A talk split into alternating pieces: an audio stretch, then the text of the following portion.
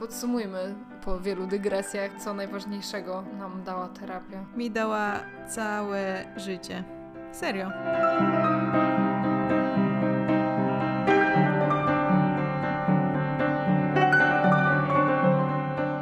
Cześć, witajcie w podcaście Można Zwariować. Dzisiaj porozmawiamy sobie o tym, co nam prywatnie dała nasza terapia. E, nie nasza wspólna, tylko nasze osobne Tak, na razie współpracujemy tak krótko, że nie musiałyśmy jeszcze iść na terapię par. Terapię współpracowników. Ciekawe to jest. Czy hmm. też szef i pracownik, albo na przykład dwójka współpracowników mogliby pójść na terapię?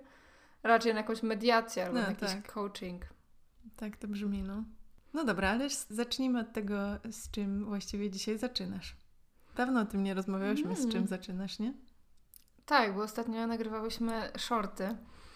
Hmm. Ja zaczynam takim mm, trochę przedmajówkowym klimacie, że trochę mam zaplanowane kilka dni wolnego i trochę do mnie to nie dociera, że to w sumie fajnie będzie mieć wolne i chyba po prostu wyłączę totalnie Instagram na te parę dni. Mm. No i fajnie będę sobie przybywała w naturze, chociaż pewnie będzie padało, więc może średnio, ale no ale myślę, że to będzie fajne. Idzie fajne. lato. Mam taką nadzieję. A ty z czym zaczynasz? Ja zaczynam w szoku, bo może tego nie widzicie. To znaczy już nie w takim szoku, bo widziałam zdjęcia, ale może już, ale wy tego nie widzicie, e, bo Ania zmieniła trochę fryzurę i wygląda jak taka dorosła kobieta, bizneswoman. To tylko przez parę dni, bo zaraz znowu się pokręcą i będę wyglądała właśnie tak, że wszyscy myślą, że mam 16 lat, a nie 27 już. E, no ale ja zaczynam e, w, w, w kulminacji wydarzeń tak naprawdę, dlatego że moja druga aktywność aktywistyczna niezwiązana ze zdrowiem psychicznym, czyli ruch Extinction Rebellion, przeprowadza dzisiaj blokady w całej Polsce. Blokady Rebellion of One, czyli osoby pojedyncze wychodzą e, na ulicę z transparentami o tym, czego się boją w związku z katastrofą klimatyczną. Wczoraj poszłam spać chyba o drugiej w nocy i dzisiaj się obudziłam przed pierwszą blokadą, żeby być on top of things, czyli od 7.00, 7.30 się zaczęła pierwsza blokada, to jestem taka podekscytowana i, i też już trochę zmęczona, bo, bo długo nad tym pracowaliśmy, ale też bardzo się cieszę, e, że idziemy do przodu i że coraz więcej osób się chce przyłączać, bo też pojawiają się blokady zupełnie nagle i takie, o których w ogóle nie wiedzieliśmy. Ktoś, ktoś z chwili na chwilę decyduje się podjąć to działanie i bardzo mnie to cieszy. Chodzi o blokadę ulic, czyli osoby wychodzą z transparentami na jezdnię, jeśli nigdy nie widzieliście. No ale po tym przydługim wstępie. Tak, wpadłyśmy na ten pomysł, w sumie ja wpadłam jakoś tak spontanicznie, bo mm, dawno nie było takiego odcinka, że po prostu sobie o czymś gadamy, o naszych jakichś różnych doświadczeniach. A takie są przecież najfajniejsze. Może zacznijmy w ogóle od tego, mm, kiedy poszłyśmy na terapię. Kiedy ty poszłaś na terapię? E, ja poszłam na swoją terapię w 2018 roku, w, jakoś w listopadzie. Pracowałam wtedy w korporacji i czasami dostaję takie wiadomości gdzieś przy okazji, żebym opowiedziała o tym, jak to, jak to było, jak to, co robiłam i... Czyli byłaś już po studiach psychologicznych. Tak, tak. I kiedyś, kiedyś faktycznie o tym coś opowiedziałam, już nie chciało mi się powtarzać i, i stwierdziłam, że, że no to, to nie jest jakby nic ciekawego, ale long story short, pracowałam w firmie, która zajmowała się e, rekrutacją, e, realizowałam różne projekty dla klientów. E, no i byłam w takim momencie, gdzie jakoś dużo rzeczy się nie udawało, nie było to z mojej winy, nie miałam wpływu na, na wiele rzeczy, no a jednak jakby trochę o tym, mm, jednak trochę obrywałam. E, też właśnie stresowało mnie to, moja sytuacja e, jakoś prywatnie też była taka jakoś nierozwiązana do końca, napięta. No i jako, że zawsze jako studentka psychologii chciałam tego spróbować na sobie. Wiem, że część studentów e, właśnie już było na swoich psychoterapiach w trakcie, bo mieli takie plany, żeby pójść do szkoły psychoterapii. A ja zaczęłam po prostu sobie zdawać sprawę, że, że taka praca nie jest dla mnie, że nie lubię siedzieć za tym biurkiem e, tak długo, a wtedy już pracowałam e, prawie rok Wiadomo, wolisz w fotelu. Nie no, ale jakoś e, męczyło mnie to... Wygoda przede wszystkim. Męczyła mnie ta powtarzalność i męczyło mnie to, że trzeba właśnie siedzieć w jakimś biurze oszklonym i że jakoś mało, na mało rzeczy mam wpływ, że cały czas jakby robię coś dla kogoś i to ktoś ma z tego kasę, a ja dostaję jakąś e, no marną z tego część. Mm, no i poszłam do mojej terapeutki. E, znalazłam ją w sumie jakoś po prostu w zasadzie już nawet nie pamiętam jak. Chyba wpisałam coś właśnie w stylu psychoterapia Znany Warszawa. lekarz? Nie, i, i po prostu znalazłam stronę tego gabinetu, stwierdziłam, że, że podoba mi się jakby wystrój, było tam kilka terapeutek, przeczytałam sobie opis, spodobała mi się po prostu ta terapeutka też na zdjęciu, nie, że jakby jest dla mnie atrakcyjna, ale no, wydawała się po prostu miłą, fajną osobą. Rozmawiałyśmy o tym chyba jakiś czas temu, o tym, że badania wskazują na to, że osoby najczęściej dobierają Mhm. sobie terapeutów nie po ich kompetencjach, nie po tym, czym, po jakimi zdjęciu. problemami się zajmują, tylko właśnie po, po ich zdjęciach. No tak, ale przeczytałam też właśnie, że ona zajmuje się jakimiś kryzysami życiowymi, a ja jako właśnie wydawało mi się, że jestem na takim trochę roz, rozdrożu. I co ciekawe, ten gabinet, nie wiem czy jeszcze istnieje, bo nazywał się właśnie Rozdroża.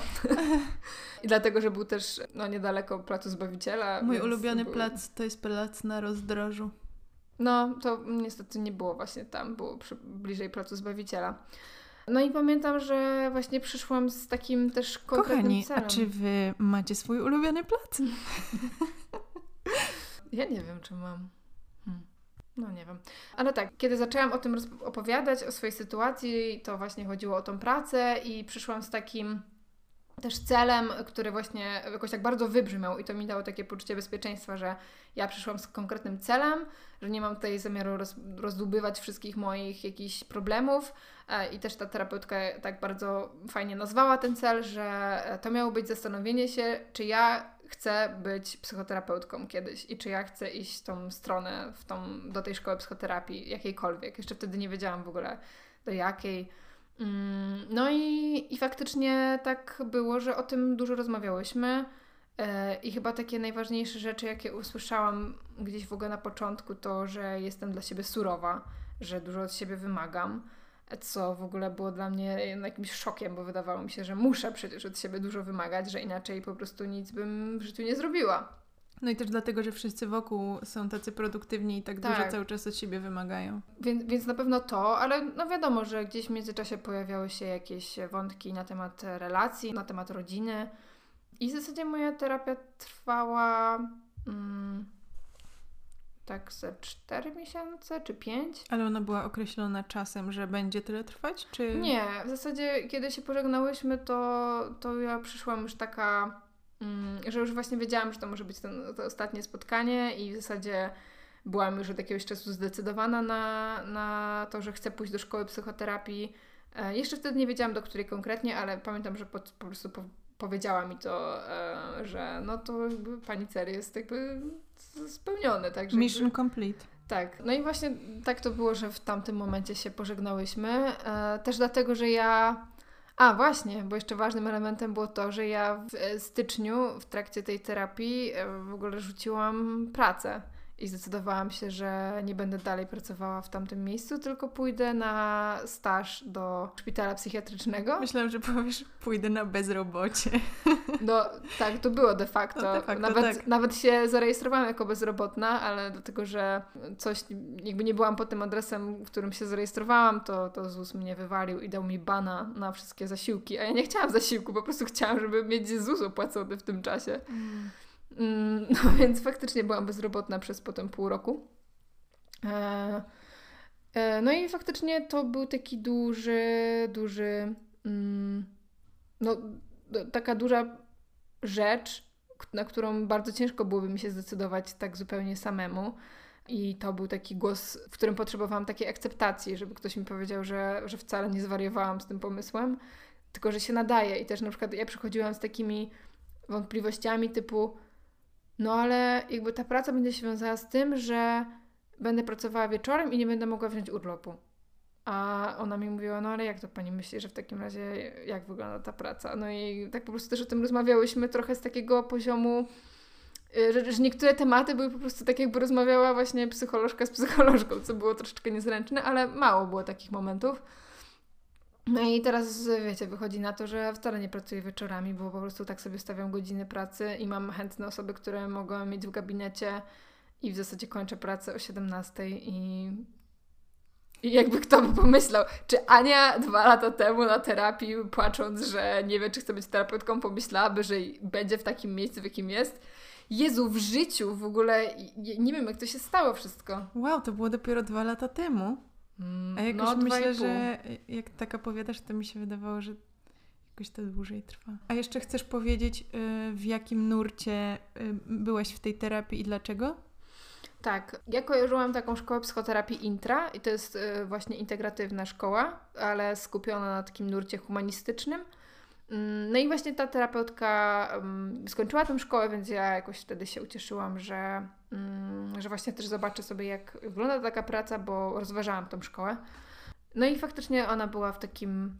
Um, była dla mnie zawsze taka ciepła, akceptują, akceptująca, ale też dużo mówiła. Czasami nawet ja chciałam już wejść w jej słowo. E, I. O. Tak, i faktycznie dużo tak jakby tłumaczyła, dużo dawała takich odzwierciedleń, czyli po prostu powtarzała to, co ja powiedziałam swoimi słowami i, i faktycznie to wielokrotnie było bardzo takie otrzeźwiające.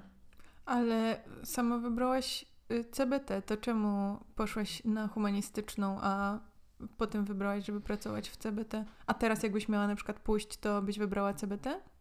E, wiesz co, ja potem zapoznałam się dokładnie z programem tej szkoły i stwierdziłam, że tam jest za dużo właśnie jakoś tak ogólnych rzeczy, że chciałam mieć coś takiego bardzo konkretnego. Właśnie mm, w CBT lubię to, że są po prostu zajęcia dotyczące konkretnego zaburzenia. E, przerabiamy każde zaburzenie od podstaw i też właśnie jak pracować, jakie są, jakie można ćwiczenia zaproponować. E, I to mi daje dużo takiej wiedzy, ale też dużo umiejętności.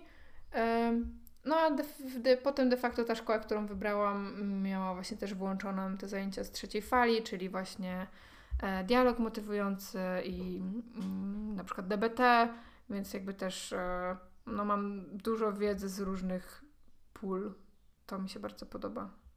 Ale wtedy jeszcze na tej terapii nie miałam pojęcia, że będę w tej szkole, więc. No teraz jakbyś miała wybierać, to byś poszła tak, na myślę, humanistyczną że... czy na CBT? Nie, no myślę, że poszłabym do tej samej szkoły. Nie, nie, ale gdybyś miała pójść na terapię swoją. A, tak, bo w ogóle ja myślałam, um, ponieważ właśnie w, ostatnio w listopadzie, jakby, czyli równo po dwóch latach, jakby też wróciłam na, na tą terapię. I, I wcześniej, jakiś czas temu, jeszcze rozważałam właśnie, czy pójść na, do terapeuty CBT, żeby też zobaczyć, jak to wygląda u innego terapeuty, jak w ogóle będzie wyglądał taki kontakt, ale potem już zdecydowałam się w zasadzie wrócić do, do tej starej terapeutki, co myślę, że było dobrym krokiem, bo trochę właśnie kontynuowałam sobie inny wątek, który wtedy z nią poruszyłam i jakby już miałam takie poczucie, że no dobra, to nie będę musiała opowiadać historii swojego życia. No dokładnie, nie musisz zaczynać wszystkiego od nowa, całego backgroundu, twojego tak. podejścia do rzeczy. No i oczywiście e, ten niezwykły dar, jaką mają terapeuci, czyli pamięć do jakichś dziwnych szczegółów. Albo notatki po prostu. Tak, no nie wiem właśnie, czy, czy ona w ogóle miała, sięgała do tych notatek, no nie pytałam o to, ale faktycznie wróciłam i, i kontynuowałyśmy już zupełnie w innym kierunku. Y, nie, było, nie poruszałyśmy żadnych zawodowych kwestii. Ja jej oczywiście opowiedziałam, co w tym czasie jakby się, się działo i tak dalej i ona była taka no, nawet dumna chyba, ale faktycznie omawiałyśmy zupełnie bardziej prywatne tematy.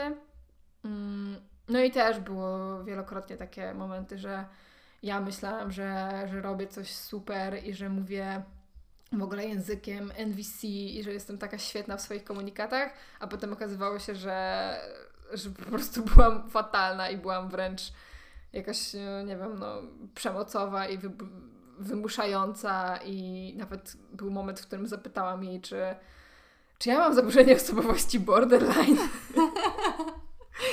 widziałam tą konsternację w jej oczach i powiedziała mi, że no, pewne zachowania mogą być, że jestem bardzo emocjonalna i bardzo wrażliwa, ale, ale jednak nie, no jednak, jednak nie poszłyśmy w diagnozę. Ale faktycznie to było niesamowite, jak w ogóle, jak mnie jakby poruszała w ogóle ta, ten kontakt z nią, że praktycznie, nie wiem, byłam na kilku sesjach, bo to też nie było takie bardzo regularne. Na początku chodziłam, tam byłam parę razy co tydzień, potem w nowym roku już byłam bardziej co dwa tygodnie też miał, miałam trudność, żeby się umówić po prostu, bo, bo ona gdzieś tam nie wciskała pomiędzy inne osoby, które ma na stałe. E, no i, i czasami faktycznie bywało tak, że od momentu wejścia ja zaczynam jakiś temat taki, a no co tam u mnie? Ale już wiedziałam, że tak jakby tiptoeing around this wrażliwy temat. No i wtedy zaczynałam się, roz, rozpokiwałam się i płakałam praktycznie przez 50 minut, bo ona często zostawała w ogóle ze mną po czasie, żeby mnie pozbierać. E, więc no, bardzo mam takie ciepłe uczucia do niej. Mm. Aczkolwiek, no nie wiem, czy to by było ok, żeby trzeci raz wracać, gdyby coś takiego wydarzyło się w moim życiu, żebym potrzebowała. No tak jak w którymś z poprzednich odcinków rozmawiałyśmy o tym takim stylu amerykańskim, czyli -hmm. po prostu wpadania do swojego terapeuty raz na jakiś czas, kiedy masz taką potrzebę. No wydaje mi się, że jeśli dla tej osoby jest to ok, to wiesz, żeby po prostu przegadać jakiś temat, który cię nurtuje albo który, który potrzebujesz przegadać, no bo nie wiesz, kiedy taki temat ci się pojawi, no czasami tak. Tak, i w ogóle dokładnie ja ją o to zapytałam po, w którymś tam już z ostatnich spotkań, E, czy to jest dla niej ok, że widujemy się tak nieregularnie i, i że właśnie to jest trochę w takim stylu amerykańskim, ale tak to po prostu sobie nazywamy pomiędzy nami, mhm. my dwie e, tak, tak. tutaj. Nie wiemy jak, to, jak, jak, jak się nazywa taka formuła. Nie wiem, czy w ogóle to istnieje. Nie, no nie. Ale e, i faktycznie zapytałam jej, czy to jest dla niej ok i moja terapeutka powiedziała, że z reguły nie przystałaby na taki schemat pracy, A. ale widzi, że dla mnie to jest e, pomocne i że jakby też dlatego, że już się wcześniej znałyśmy, miałyśmy tą relację wcześniej, to, to jakby się na to zgadza. I faktycznie było tak, że, że ja miałam tam po prostu musiałam wrócić do pracy, e, do ośrodka wtedy jeszcze i nie, nie mogłam się z nią spotkać, więc tam były czasami jakieś dziury trzytygodniowe.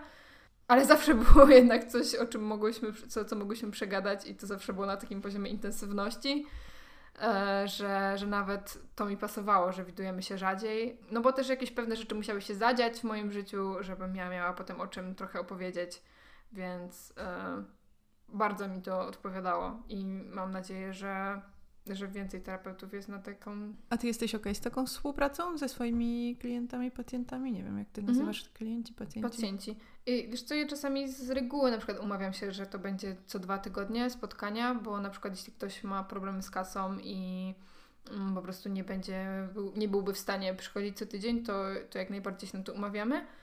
I no wiadomo, że ta praca idzie trochę wolniej, ale też jest y, jest w stanie się zrobić bardzo dużo, nawet w takim trybie co dwa tygodnie. E, no i często też już pod koniec na przykład wygaszamy sobie i przychodzimy z tego trybu cotygodniowego na co dwa tygodnie. I zawsze jak się z kimś żegnam, to też mówię, że jakby jakaś pojedyncza sesja, czy żeby po prostu pisali, że zawsze wcisnę kogoś na jakąś jedną godzinę, no bo mam jakąś przestrzeń w grafiku. Do tej pory się nie, się nie zdarzyło, żeby ktoś, ktoś tak się odzywał, mm, powracał z czymś, ale Czyli mhm. nie palisz notatek w kominku i nie, nie wykasowujesz sobie pamięci na temat tej osoby, myśląc, hurra, już nigdy więcej. Nie, notatki muszą być zachowane, muszą być w archiwum moim prywatnym, mojej teczce. No dobra, to powiedz, jak było na Twojej terapii, bo Ty byłaś w nurcie poznawczo-behawioralnym. Where do I begin? ja w ogóle zaczęłam, chodzę, ja byłam na czte, pięciu terapiach de facto, jak sobie to podliczyłam. Razem Jestem trochę w szoku. Szpitalnymi? Nie, no tych szpitalnych nie liczę, bo to była mhm. hospitalizacja. E, posłuchaj, to było w ogóle tak. Ja jakoś pozapominałam te rzeczy, ale naprawdę byłam na strasznie wielu terapiach. Więc na początku, ja od 16 e, do 18 roku życia, czyli no po prostu dwie, dwie pierwsze klasy liceum, uczyłam się całkowicie eksternistycznie, podróżując do pracy. E, w międzyczasie moja siostra trafiła do szpitala psychiatrycznego i jakiś tam czas później ja sobie pracowałam, coś tam się, takie rzeczy e, pozmieniały w mojej pracy i z moimi agentami z Londynu zadecydowaliśmy, że to jest ok, żebym wzięła przerwę, rok przerwy i wróciła na ostatni rok do klasy maturalnej do Warszawy. I wtedy też e, jakoś w którymś momencie uznałam, że okej, okay, moja siostra już tam, wiadomo, się leczyła, chodziła na terapię czy coś i ja uznałam, że może to jest dobry moment, żeby po prostu spróbować coś zrobić z tym moim notorycznie złym samopoczuciem No bo ja od zawsze byłam raczej właśnie osobą smutną, depresyjną. Jak, jak poszłam na pierwszą randkę z moim pierwszym chłopakiem, to on na odchodne, jak się już rozstawaliśmy, powiedział mi: Jesteś chyba najbardziej pesymistyczną osobą, jaką poznałem. Potem byliśmy razem chyba trzy lata, ale e, no, wiesz o co chodzi. E, więc zawsze po prostu się byłam bardzo mocno niedopasowana, no jakby coś ciągle było nie tak i ja nie wiedziałam, co z tym zrobić. No jak moja siostra zaczęła się leczyć psychiatrycznie, no to odkryłam takie rzeczy jak właśnie terapia e, czy coś. I y, poszłam, zapisałam się, no uznałam, że okay, jestem ten rok, tam, czy te parę miesięcy na czas klasy maturalnej w Warszawie i zapisałam się do takiego ośrodka, stowarzyszenia w Warszawie, które właśnie pomaga psychologicznie, psychiatrycznie y, mhm. młodzieży. Dostałam termin spotkania przyszłam na to spotkanie i na takie spotkanie jeden na jeden. Nie, nie wiem, czy mogę nazwać, że to była terapia. No chyba trochę tak. Nie pamiętam, ile ono trwało. W sensie nie pamiętam, czy to było, czy to było 5 spotkań, czy to było 20 spotkań.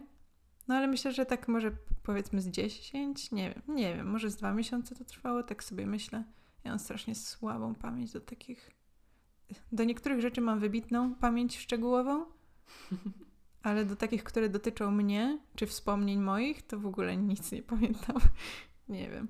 No więc e, schodziłam na, na, na te spotkania z taką terapeutką, nie wiem w jakim nurcie, nic o tym nie wiem, która mówiła do mnie szeptem. Cały czas! Ja w ogóle nie o wiedziałam matko. o co chodzi. W pewnym momencie Dlaczego? zaczęłam mówić, przepraszam, czy mogła pani powtórzyć głośniej, bo nie, nie zrozumiałam. I ona jakby podnosiła ten głos tak o, tak odrobinkę, nic to nie zmieniało. No po prostu mówiła tak strasznie, strasznie, strasznie cicho. No, wow. Zenora, okej. Okay.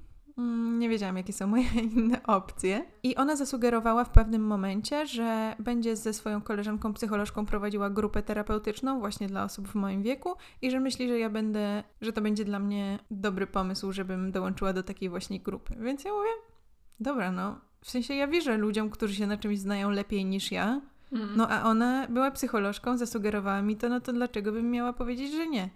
No i zaczęłam chodzić na grupę terapeutyczną. To było bardzo ciekawe doświadczenie. Ale nie do końca dla ciebie. Yy, nie do końca dla mnie. Ta, ta grupa terapeutyczna jakby kończyła się jej zwieńczeniem, tak mi się wydaje, bo potem już chyba nie miało być kontynuacji. Był wyjazd terapeutyczny do, do Zakopanego. E, gdzie mieliśmy 5 godzin terapii dziennie. No i to byłam ja i chyba jakieś 6 osób mniej więcej.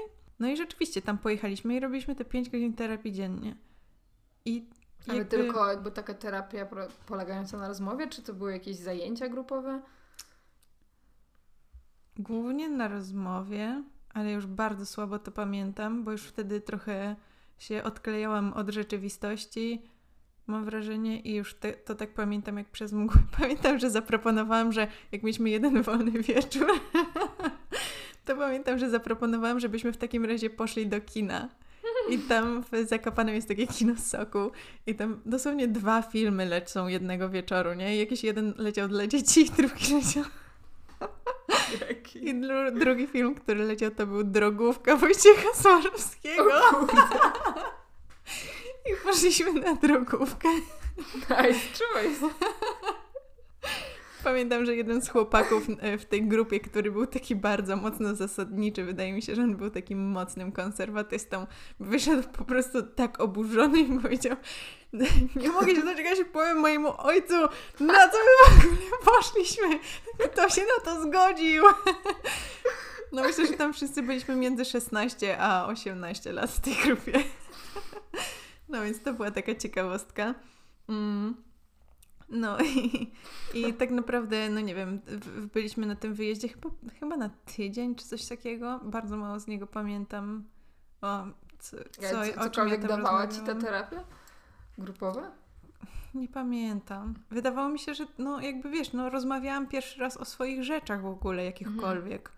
No bo tak nie miałam po prostu z kim o tym porozmawiać.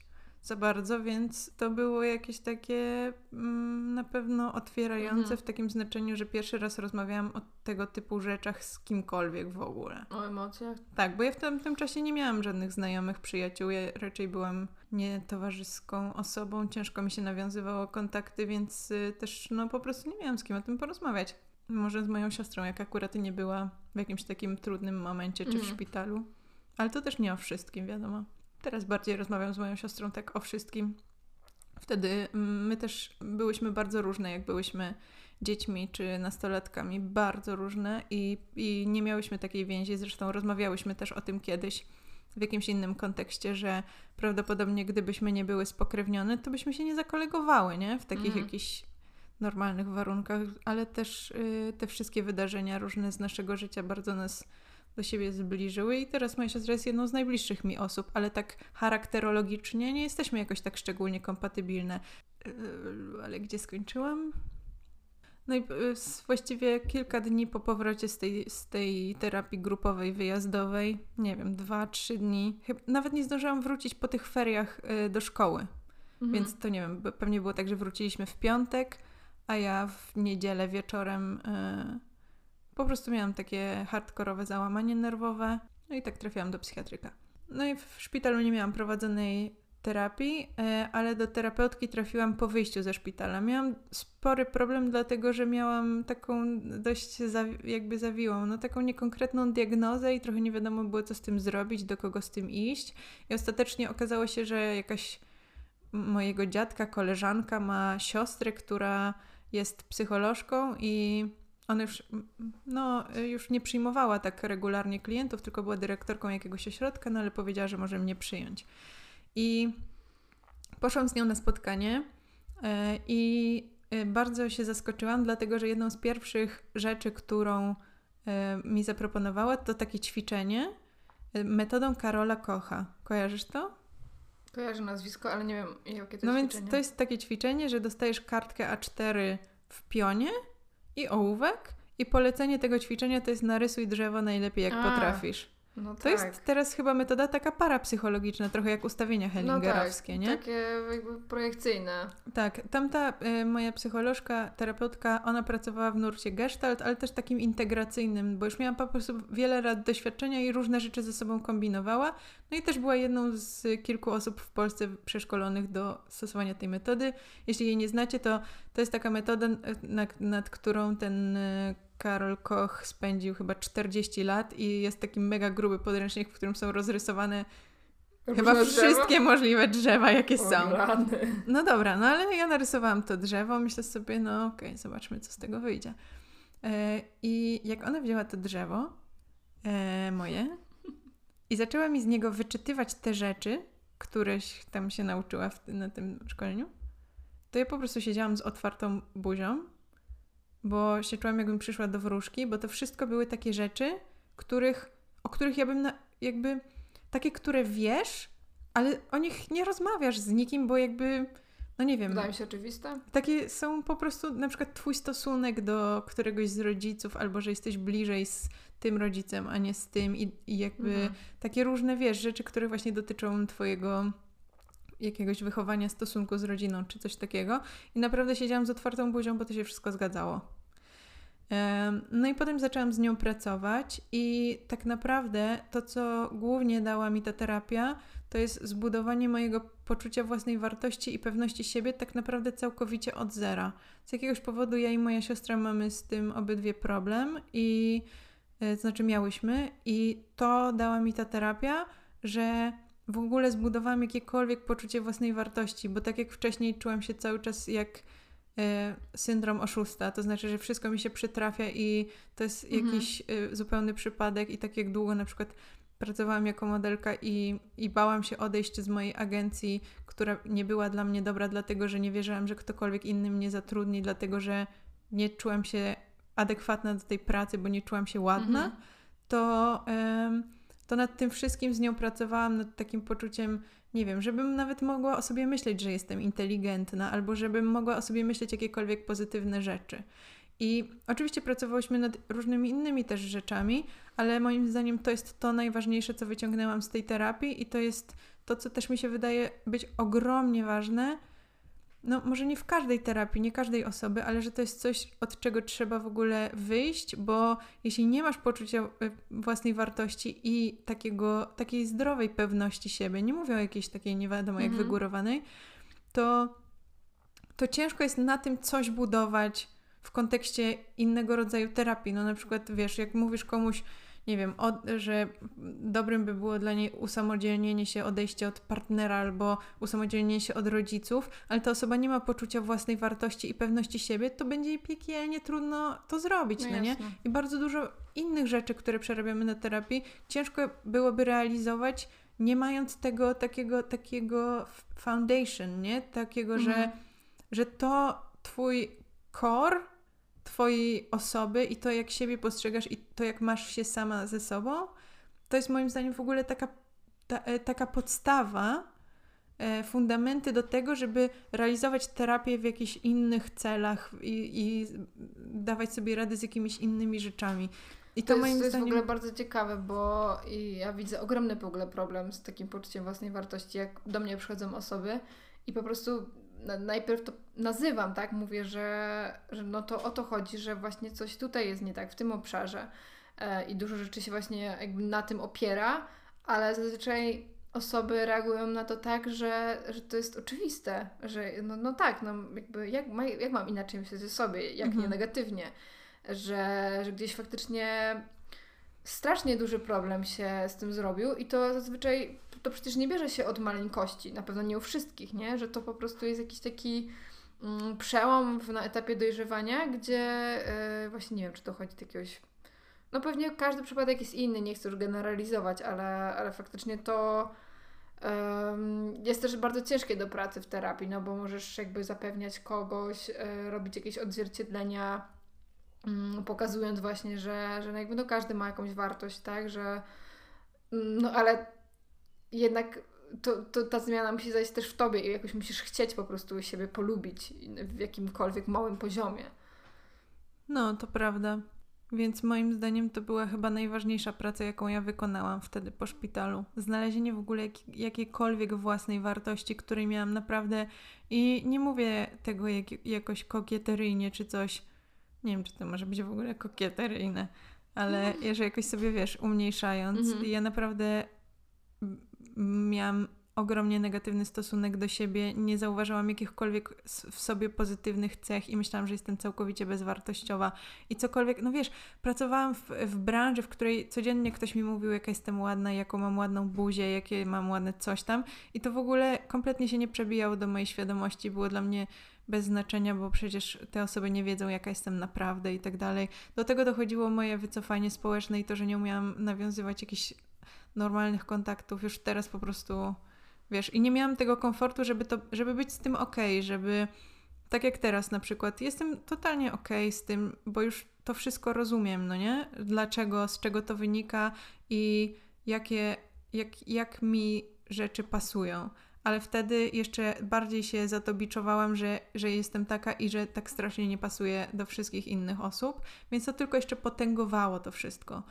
Mm, Jakiś czas później, yy, chyba rok po tej terapii, nawet nie cały rok w sumie, parę miesięcy po tej terapii przeprowadziłam się do Nowego Jorku, gdzie mieszkałam przez 5 lat i w tamtym czasie nie byłam tylko w leczeniu farmakologicznym i raz na jakiś czas widywałam się z moim psychiatrą, z którym też tak omawiałam różne mhm. rzeczy, tak, ale bardziej tak doraźnie. Doraźnie, nie wchodząc w jakieś takie terapeutyczne sprawy. I po takim moim długim epizodzie depresyjnym, o którym już opowiadałam, tym, który trwał jak mega jeden długi dzień przez parę miesięcy, e, jak już się z niego tak trochę wygrzebałam, to uznałam, że okej, okay, może to jest dobry moment, żeby wrócić na terapię. W sensie wrócić, no pójść na kolejną, nie? I wtedy zapisałam się właśnie do mojej terapeutki, e, z, z którą robiłam tą terapię przez ostatnie dwa lata. E, w nurcie poznawczo-behawioralnym i wtedy już byłam taka zdecydowana, bo tak, po pierwsze studiowałam już psychologię. Czyli e, najpierw zaczęłaś ją online, nie?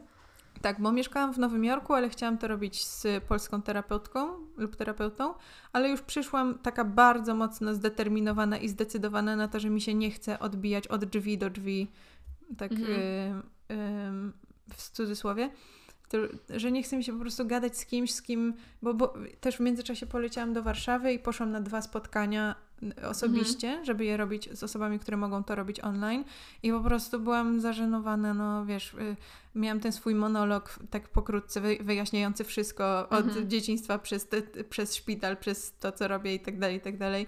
E, I wiesz, i, i on był tak zaplanowany mniej więcej na takie 40 minut y, plus minus. Robiłam takie pauzy na wdech, ale też na być może komentarz, z którym się nie spotykałam.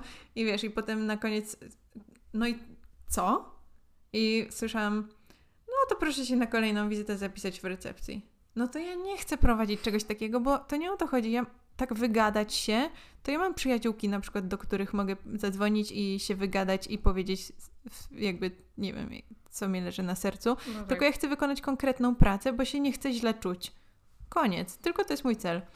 No jak się z czymś takim spotykałam, no to nie chciałam tego, więc po prostu sobie od razu wypunktowałam, czego oczekuję od tej terapii, co chcę w niej zrobić, co chcę zmienić i tak dalej, i tak. W międzyczasie też zmieniałam leczenie psychiatryczne. E, I w końcu już wróciłam do Nowego Jorku i miałam to spotkanie z tą moją terapeutką online i po prostu powiedziałam, już taka byłam, wiesz, już naprawdę bez ceregieli oczekuję, że ktoś mi będzie odpowiadał. Nie, nie chcę, żeby, nie chcę mówić do ściany. Oczekuję konkretnych e, feedback i żeby ktoś się do mnie odzywał, żeby mi mówił o co chodzi, żeby mi dawał jakieś, nie wiem, ćwiczenia, żeby pracować jakoś, żebym aktywnie wiedziała, że coś robię, bo takie gadanie to mi w ogóle już nie o to chodzi. To już, to już sobie pogadałam kiedyś, już mi wystarczy. I um, no i rzeczywiście tak na początku miałam wrażenie, że moja terapeutka taka była trochę o, okej, okay, dobra, na moje bojowe nastawienie. I potem po spotkaniu zapytała, czy, czy mi odpowiadało to, jak reagowała, czy nie za dużo tam, wiesz, ona wnosiła, czy, mhm. czy, czy nie za mało pytała, czy coś. I tak poczułam, że okej, okay, czyli ona rozumie, o co mi chodzi. Chce I mi, to, I mi to pasuje, mi taki rodzaj współpracy, super. I zaczęłam z nią pracować i, i to była bardzo fajna współpraca. E, no właśnie są bardziej pasywni terapeuci, którzy właśnie mało się odzywają i mało może prowadzisz w ogóle taki dialog na jakimś poziomie intelektualnym, a może są super inteligentni. Ale... Może są też tacy, którzy bardziej bazują na emocjach, no nie? Właśnie. Ja bardzo mało bazuję na swoich emocjach i bardziej bazuję na głowie, nie? Jak masz tam Y, serce, głowa, rozum, serce, to ja jestem 100% rozum. No może 98% rozum, bo ostatnio uroniłam łzę. O! Było to bardzo zaskakujące. Nie no, to ja myślę, że jestem jednak w większości emocje, chociaż nie wiem, czy w większości. No pewnie zależy od sytuacji, ale no jestem też emocjonalna, ale Lubię, jak właśnie idę, jak byłam u mojej terapeutki, no niestety nie mam porównania, bo tylko ta jedna mi się przyda, przytrafiła, ale lubiłam, kiedy właśnie ona jakoś coś wprowadzała, na przykład takie ćwiczenie, które robiłyśmy kilka razy, może dwa albo trzy, to było takie ćwiczenie, że ja się musiałam przesiadać, e, było takie dodatkowe krzesło i byłam na przykład tam tym moim wewnętrznym krytykiem, a potem byłam sobą i musiałam prowadzić taki dialog. E, no i to było to było jakieś wyzwanie, nie? To było coś trudnego, jakby bardzo emocjonalnego, ale też trudno było wejść w taką rolę i musiałam trochę to odegrać, wiadomo. No to właśnie to jest coś, czego ja nie lubię. Ja nie chcę takiego. Ja wolę na faktach konkretnych rozmawiać, wydarzeniach, jakichś takich, wiesz, że tutaj się wcielać w jakieś takie... Ale to, to było na, na no podstawie wiem, konkretnej sytuacji, że jakby no było to jakkolwiek angażujące mnie, że nie tylko sobie tak gadamy, aczkolwiek mm -hmm. był w tym spory dyskomfort na początku, no bo jakby muszę mówić jakby jakiejś takiej perspektywy trzeciej osoby Ale już kilkukrotnie siebie. słyszałam y, od osób, że, to, że ten rodzaj ćwiczenia jakoś im pomógł. No, no tak, no na pewno coś tam da się usłyszeć takiego, co, co normalnie nie wypowiadasz do siebie. No ja wolę jakoś tak łatwiej mi przychodziło analizowanie sytuacji, mówienie konkretnie to i to, dlaczego tak robię, co jest tego przyczyną, co mhm. mam zrobić, żeby tak nie robić, czy możemy to przepracować, jak możemy to przepracować. Ja przychodziłam po prostu z konkretnym zestawem, nie podoba mi się, że się tak zachowuję, dlaczego tak robię? No to może wynikać z dzieciństwa. No dobrze, to co mam zrobić, żeby się tak nie zachowywać? No i wiesz. Ale to y, myślisz, że to twoja terapia była taka typowo właśnie CBT, że na przykład rozpisywałaś tam myśli, emocje, zachowania yy, nie, na tej nic kajzerce? Nie, nie. Nie, nie, nie. Albo jakiś Już chwilę temu. Nie, nie, nie, nie. E, to znaczy, wiem, że to była terapia CBT, a no i jeszcze w kontekście tego właśnie poziomu podobnego intelektualnego, no to pamiętam, że w pewnym momencie uznałam, że dobra, chodziłam na te spotkania z osobami, które mi nie pasowały. Może dlatego, że one miały tylko magisterkę. No to może mi chodzi o to, że, że, że zależy mi na tym, żeby ktoś był taki bardziej zaangażowany, żeby się naprawdę interesował, bo z moją tą poprzednią terapeutką. Żeby się interesował psychologią, tak? Żeby jakby lubił wyzwania. Okay. Nie no, bardziej, wiesz, chodziło mi o to, że jak ktoś już jakoś tak naprawdę się tym interesuje, tą psychologią i po prostu mhm. interesują go nie tylko to bierze to na siebie robienie w kółko tego samego, tylko właśnie coś jakiegoś takiego ciekawszego, to, no to uznam, że po prostu będę celować tylko w osoby z doktoratem i wyżej. No i to był w moim przypadku jakby dobry wybór, no. Ta, ta moja psychoterapeutka była doktorką nauk. No właśnie, ja, to jest zastanawiające dla mnie, że i w sumie to jest chyba coś, do czego ja aspiruję, że właśnie terapia CBT jest uznawana za taką. I faktycznie często tak jest, że przychodzisz, jest ten protokół tam na ileś konkretną liczbę tygodni, typu tam nie wiem, 12, 15 e, i robisz jakąś konkretną pracę. E, no i ja też jestem uczona tak, że faktycznie jest tam pierwsza sesja wywiad, druga sesja tam jakaś próba konceptualizacji diagnozy, trzecia sesja coś tam. Ale oczywiście to nie jest tak, że idziemy skryptem z podręcznika i, i sobie jakby zadajemy tylko takie pytania, na które chcemy usłyszeć konkretną odpowiedź, tylko jednak no ja daję się wygadać i ale mam taki swój podręcznik, który jest do terapii transdiagnostycznej, czyli jakby on zbiera e, wszystkie na przykład zaburzenia lękowe, e, nastroju, jakieś tam jeszcze i jakby jest taki ujednolicony ten styl pracy. No ja tam dodaję oczywiście coś od siebie, coś pomijam, jeśli uważam, że, że to nie jest to. I zazwyczaj nie przychodzę go całego, bo po prostu potem właśnie jest taki, taka na przykład praca nad wywoływaniem objawów, a jakoś po prostu zapominam trochę o tym podręczniku, że, że w trakcie pracy jakby dochodzimy do jakichś różnych tematów, do różnych momentów i ta praca jakoś sama się toczy? Wydaje mi się, że to jest najlepszy właśnie rodzaj pracy, kiedy nie idziesz właśnie jakimś takim skryptem, bo wtedy trochę jakby twój klient, pacjent sobie, a ty mhm. sobie, bo chcesz iść jakąś wy, wytyczoną ścieżką, bo uważasz, że to jest właściwe. Mi się wydaje, tak. że właśnie najlepiej mi się pracowało z osobami, które tak dynamicznie podchodziły do tego, co się działo i o czym, e, o czym była ta rozmowa, no nie? A, a nie. Wydaje mi się, że też po prostu właśnie tak jak mówię, osoby, no nie wiem, z doktoratem, z du dużym doświadczeniem, po prostu starsze, mają Wiedzą, więcej nie? tego doświadczenia i mają już po prostu, w, wiesz, tyle pracują, że mają już w mózg wdrukowane te rzeczy, jak to polega i umie umieją sobie i umieją sobie nimi jakoś tak sprawnie manipulować, żeby to dostosować, ale też, żeby to było jakieś takie naturalne, nie? Że nie, że nie jeżdżę po żadnej kajzerce, nic nie wypisuję, mhm. tylko, y, tylko, no właśnie, tak jak kiedyś rozmawiałyśmy o tych ćwiczeniach i ja jeszcze chyba byłam w terapii, bo skończyłam ją w grudniu tego roku, po dwóch latach, z zeszłego roku. Mm. I kiedyś rozmawiałyśmy o tych ćwiczeniach i ja poszłam na, na, na swoją terapię i zapytałam, a dlaczego ja nie robię żadnych ćwiczeń? Yy, I ta moja terapeutka mi powiedziała, że je robimy, tylko one są jakby tak zawoalowane w formacie właśnie takiej rozmowy. I ja mhm. też bym w sumie nie chciała nic pisać. Znaczy parę razy na początku ona mi zasugerowała, żebym coś tam sobie rozpisała czy coś, ale...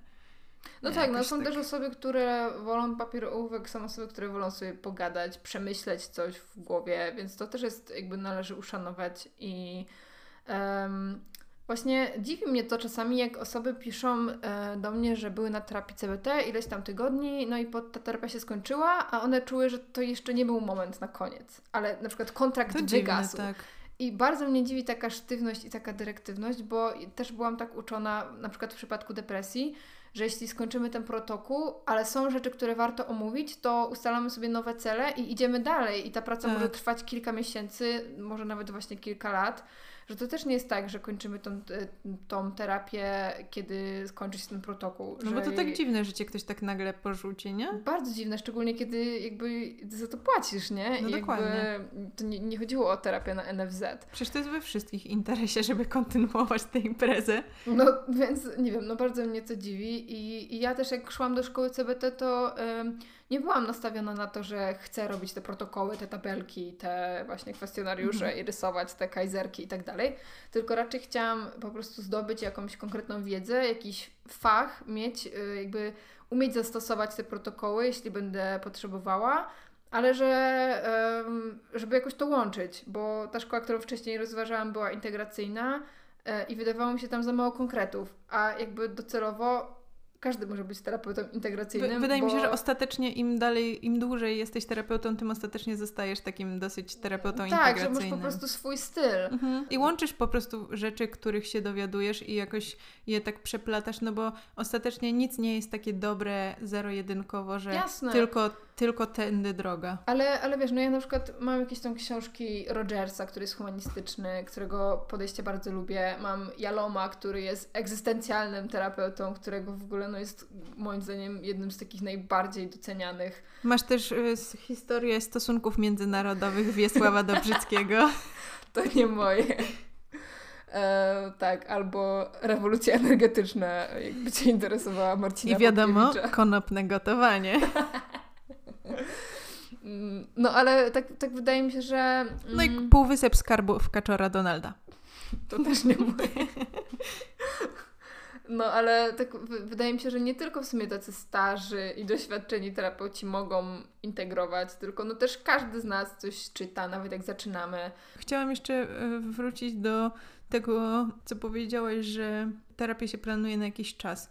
Y, ja byłam poinformowana o tym, że może być ona planowana jakiś czas, ale ostatecznie nie, nie planowałyśmy mhm. na jakąś konkretną ilość. W sensie coś tam było, mhm. ale, ale, to, to tak było, wiesz, takie whatever, że kiedy ja uznam za stosowne, to, to tak będzie. Ale też o to wszystko pytałam i ostatecznie y, w którym momencie zakończyłam terapię, do tej pory było tak, że dosłownie po wyjściu y, z, w poniedziałek z terapii już od razu miałam dosłownie kolejną y, górę rzeczy, które chciałabym poruszyć. Mhm. I, już wiedziałam naprawdę z dużym wyprzedzeniem, co, o czym będę chciała rozmawiać, mhm. jak się spotkamy kolejnym razem. A im dalej, tym coraz mniej się tego robiło. I już w pewnym momencie uznałam, że już przychodziłam tak na ostatnie spotkanie i mówiłam, ja nie wiem, o czym mam rozmawiać. W sensie nie wiem, co powiedzieć. Czuję się dobrze. Naprawdę nie wiem, o czym jeszcze bym mogła pogadać. No i ta moja terapeutka wyciągała jakieś takie rzeczy z tych takich, e, które gdzieś tam kiedyś poruszyłam, ale jakoś mhm. do, te, tego dalej nie, nie przerabiałyśmy i się tym zajmowałyśmy i później tak już mówiłam, że, że już nie czuję, że, że cokolwiek chcę i muszę przerobić, że czuję, że dużo z tego, co chciałam, zostało zaadresowane. Jakieś moje jedne wątpliwości, które dotyczą mojej przyszłości, po prostu nie czułam, że, że to jest do zrobienia w tej terapii, tylko być może w jakimś takim innym poradnictwie, czy nie wiem, coachingu. No, mhm. teraz na razie się nad tym zastanawiam, co, co bym chciała z tym zrobić i, i z kim o tym pogadać, ale nie czułam, że to jest na tamtą metodę i osobę. I e, tak zakończyłam e, z własnej decyzji i ja jestem zadaniowa, ja też nie przywiązuję się do osób tak łatwo i mimo, że się spotykałyśmy przez dwa lata no to tak czułam, że okej, okay, no to już po prostu wystarczy i kończymy. I... Widziałyście się też na żywo, czy to było tylko online? Y, no, przez myślę, że rok widziałyśmy się na żywo. Od kiedy ja się przeprowadziłam w marcu do Warszawy do kolejnego ro- marca kolejnego roku, kiedy hmm, nastąpiła pandemia. I potem robiłam online'owo, ale też wtedy dużo nie robiłam i odwoływałam, bo albo moja terapeutka musiała y, się przeprowadzić gdzieś tam, i nie miała dostępu do internetu czy coś, albo ja no, mieszkałam w mieszkaniu z chłopakiem i nie wychodziliśmy z niego i po prostu nie miałam takiej przestrzeni, mhm. żeby mogła to gdzieś tam robić. Ostatecznie rozstaliśmy się, więc mogłam to robić w mieszkaniu. No dobra, to może podsumujmy yy, po wielu dygresjach, co najważniejszego nam dała terapia. Mi dała całe życie. Serio. Tak e, jakbym miała sobie wypisać jakieś pozytywne rzeczy, to nie wiem, jakbym to ujęła, ale moim zdaniem dała mi całe moje życie i podejście do niego i to, jak to w przyszłości będzie wyglądać moje życie, to jak, jakie chcę rzeczy robić. No wiesz, naprawdę może to brzmi jakoś błaho albo pysznie, albo nie wiem, jak to może brzmieć, ale to poczucie własnej wartości i pewność siebie to jest coś, co kiedyś mi się właśnie wydawało czymś takim, że osoby chodzą z zadartym nosem y, i mhm. to, że to jest ten klimat, A teraz już No widzę, to tak że to jest w jesteśmy ogóle... też uczeni, nie? Żeby Trochę nie być tak, egoistycznym, żeby być Nie bądź skromnym. taka pewna siebie. Jest jakiś taki kult skromności w ogóle. Ja pamiętam Tak, taką głupią prawda. sytuację ze szkoły, kiedy właśnie robiliśmy, chyba w gimnazjum robiło się takie projekty, albo w podstawówce później, takie grupowe, że się gdzieś tam spotykało z właśnie osobami z klasy i trzeba było zrobić jakiś tam plakat, projekt i była właśnie, moja koleżanka została tak pochwalona przy całej klasie, dlatego że powiedziała, że to jakby był wspólny projekt i że wszyscy robili taką samą pracę, a potem ktoś z tej grupy powiedział, że nie, że to jakby to, no powiedzmy ta Kasia zrobiła, zrobiła wszystko. No i ona została pochwalona, dostała szóstkę, bo za skromność. I ja miałam takie, no okej, jakby dostała tą szóstkę może za swoją pracę, ale nie za skromność. No, Nie i no, jakoś tak sobie nie- bardzo to zapamiętałam wtedy i wtedy pomyślałam, że okej, czyli za skromność jest ceniona. I to był dla mnie taki przekaz, że mm, właśnie, że trzeba być skromnym, bo to będzie skutkowało wysokimi ocenami i w ogóle super. A teraz mówię z perspektywy czasu, że, no, no, że to było trochę niewłaściwe. Nie wiem dlaczego jakoś tak bardzo zapamiętałam ten moment, randomowy moment z podstawówki. Ja po prostu trochę pozazdrościłam jej, bo, bo pewnie ja nie dostałam tej szóstki, a chciałabym. E, No więc e, nie no, uważam, że, że przesadna skromność jest po prostu, może być też toksyczna jak- dla jakiejś grupy ludzi pewnie i po jakimś czasie. Wiesz co, moim zdaniem jest skromność i skromność. To znaczy, ja Znowu czuję, że jest taka słów. skromność, przez którą możesz mieć poczucie własnej wartości i pewność siebie i po prostu takie uczucie, że you don't have to brag about things. No, Wiesz, nie wiem jak to powiedzieć, że nie musisz jakby, że, że nie musisz to, się chwalić, że sam, musisz jakby sam fakt tego, tego, sam fakt tego, że ty masz tę pewność i jesteś usatysfakcjonowana z rzeczy, które robisz i to, i to jest to wystarczająco, to nie musisz tego dawać innym do oceny, żeby oni ciebie chwalili, więc nie robisz tego Mhm. i jesteś jakby zachowujesz to dla siebie, a jak ktoś to zauważy, to super. I będzie ci miło, że ktoś zauważył, że to zrobiłaś, ale nie musisz tego wystawiać do, dla wszystkich do oceny, żeby oni ci powiedzieli, wow, ale zrobiłaś, nie? Tylko jak ktoś to zauważy i ci powie, że wow, ale super, to, to, to jest bardzo miłe, ale że nie, wiesz, nie robisz tego sama. I moim zdaniem to jest ta pozytywna skromność. A ta negatywna skromność to jest właśnie takie, no takie trochę umniejszanie sobie, tak, nie? Że właśnie masz o nie, nie, fajną ja nic bluzkę. takiego nie zrobiłam. Nie, to stara. No tak, to nasze ulubione powiedzonko z, z podcastu. Nie, to stara, nie, jestem brzydka. No, taka... To, to, jest, to jest niefajne po prostu. To znaczy w pewnym wieku, okej, Ale też na przykład rozumiem, właśnie zaniżanie na przykład swoich stawek, jeśli prowadzisz właśnie swój jakiś freelance, czy, czy właśnie, nie wiem... to też może być po prostu nieświadomość. Nie, ale często to wynika, wydaje mi się, że często to wynika z takiej właśnie, no właśnie niskiej wartości, nie? tak. A tobie co dała terapia w takim razie? Właśnie tak też myślę sobie, że po części jakąś własną wartość, e, taką pewność, że właśnie mam prawo myśleć o sobie w jakiś po prostu sposób, który wcześniej wydawał mi się kontrowersyjny, typu właśnie, że no tak, jakby jestem inteligentna, mam ciało, które jest w kanonie i które jest spoko. Wcześniej potrafiłam się za to krytykować, mimo że byłam szczuplejsza niż teraz. Mm, więc dużo jakiejś takiej, takiej świadomości, że, że jakby właśnie mogę być sobą. Mm. No na pewno I dało że nie musisz to... się też każdemu podobać, nie? Mm, To, to też jest, wydaje mi się, Tak. coś, czego się uczysz w terapii, że, że no nie musisz się z każdym kolegować, nie, nie jesteś dla każdego. Niekoniecznie. I Dokładnie. to jest okej zupełnie. no, Znaczy ale nie mówię, że, ty, że to jest coś, czego ty się nauczyłaś na terapii, tylko że tak ogólnie. Wydaje mi się, że to jest ważna rzecz, którą, której często uczysz się na początku na terapii, nie? Że chcesz się dopasować i żeby każdy cię lubił, ale no... Ja na przykład już się pogodziłam z tym, że mam osobowość dla konesera. To jestem chyba koneserem twojej osobowości. Nie no, ale też przede wszystkim no, to dało mi tą pewność siebie, żeby w ogóle pójść do szkoły psychoterapii, bo moimi też wątpliwościami było to, że, że ja nie byłam na tej specjalności na studiach, że właśnie nie byłam na jakichś tam zajęciach, e, które do tego przygotowywały i tak dalej. Jakby totalnie wszystko jestem w stanie nadrobić. Przecież na szkole, na szkole psychoterapii są też osoby, które nie skończyły psychologii. No właśnie. Więc... O tym ostatnio rozmawiałyśmy i ty mi powiedziałeś, że są osoby po pedagogice albo po filozofii.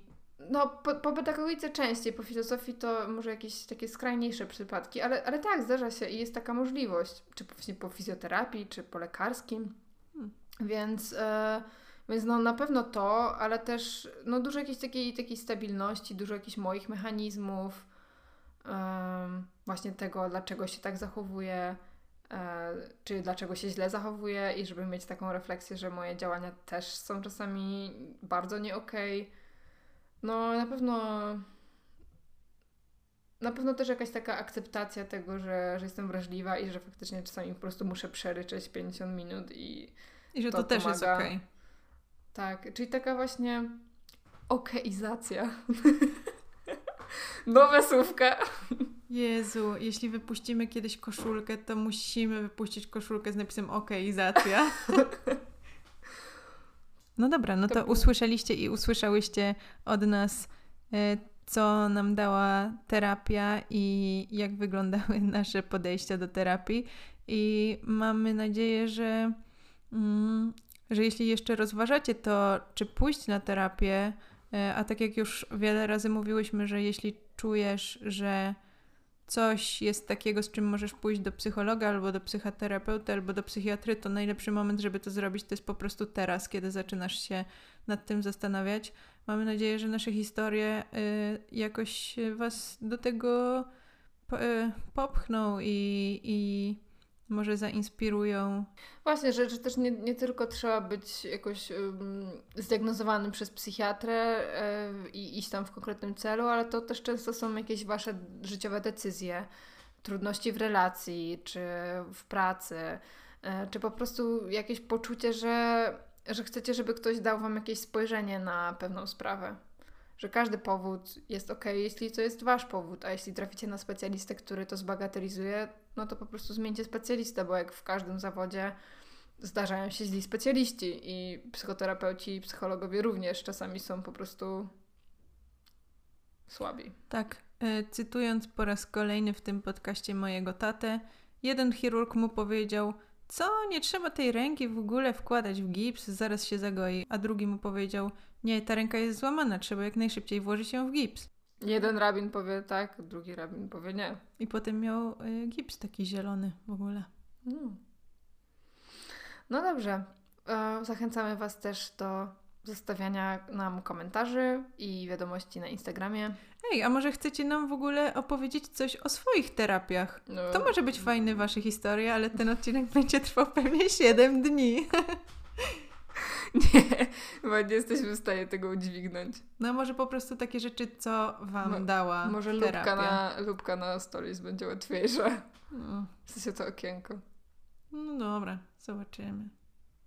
Jakbyście chcieli lub chciały nam wysłać, co wam dała terapia i się okaże, że to nie trwa 7 godzin, Ania się na mnie patrzy bardzo disappointed, że to proponuję.